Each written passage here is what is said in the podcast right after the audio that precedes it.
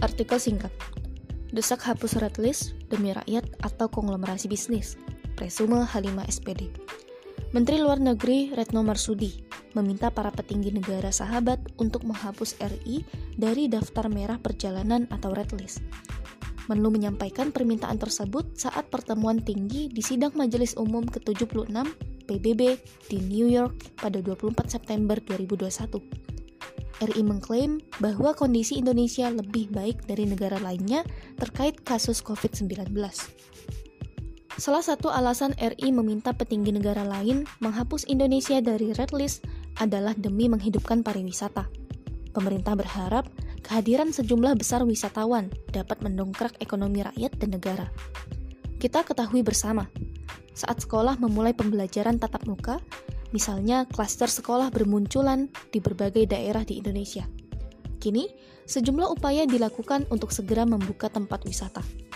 Jika tempat-tempat wisata dibuka, tentunya akan banyak wisman yang akan masuk ke Indonesia. Dan kita ketahui saat ini tidak satupun negara yang benar-benar 100% terbebas dari COVID-19. Jika seperti itu, tentu kedatangan wisman akan berbahaya untuk rakyat.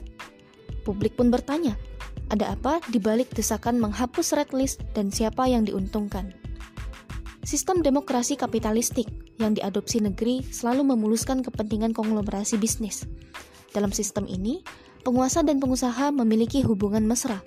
Tentu saja, setiap kebijakan yang diputuskan harus menguntungkan mereka.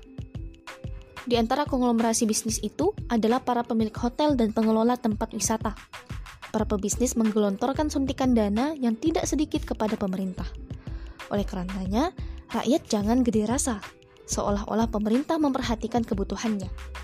Membuka tempat wisata dengan alasan meningkatkan ekonomi rakyat hanyalah polisan untuk menutupi tujuan tertentu.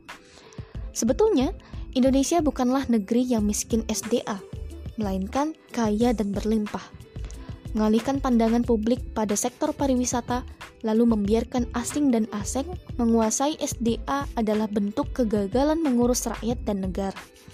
Sementara itu, penanganan COVID-19 juga belum tuntas, penyebarannya masih terus menggular akibat kebijakan yang pelin-pelan. Dengan demikian, rakyat harus segera sadar, hanya Islam solusi segala persoalan di tengah pandemi, termasuk problem ekonomi.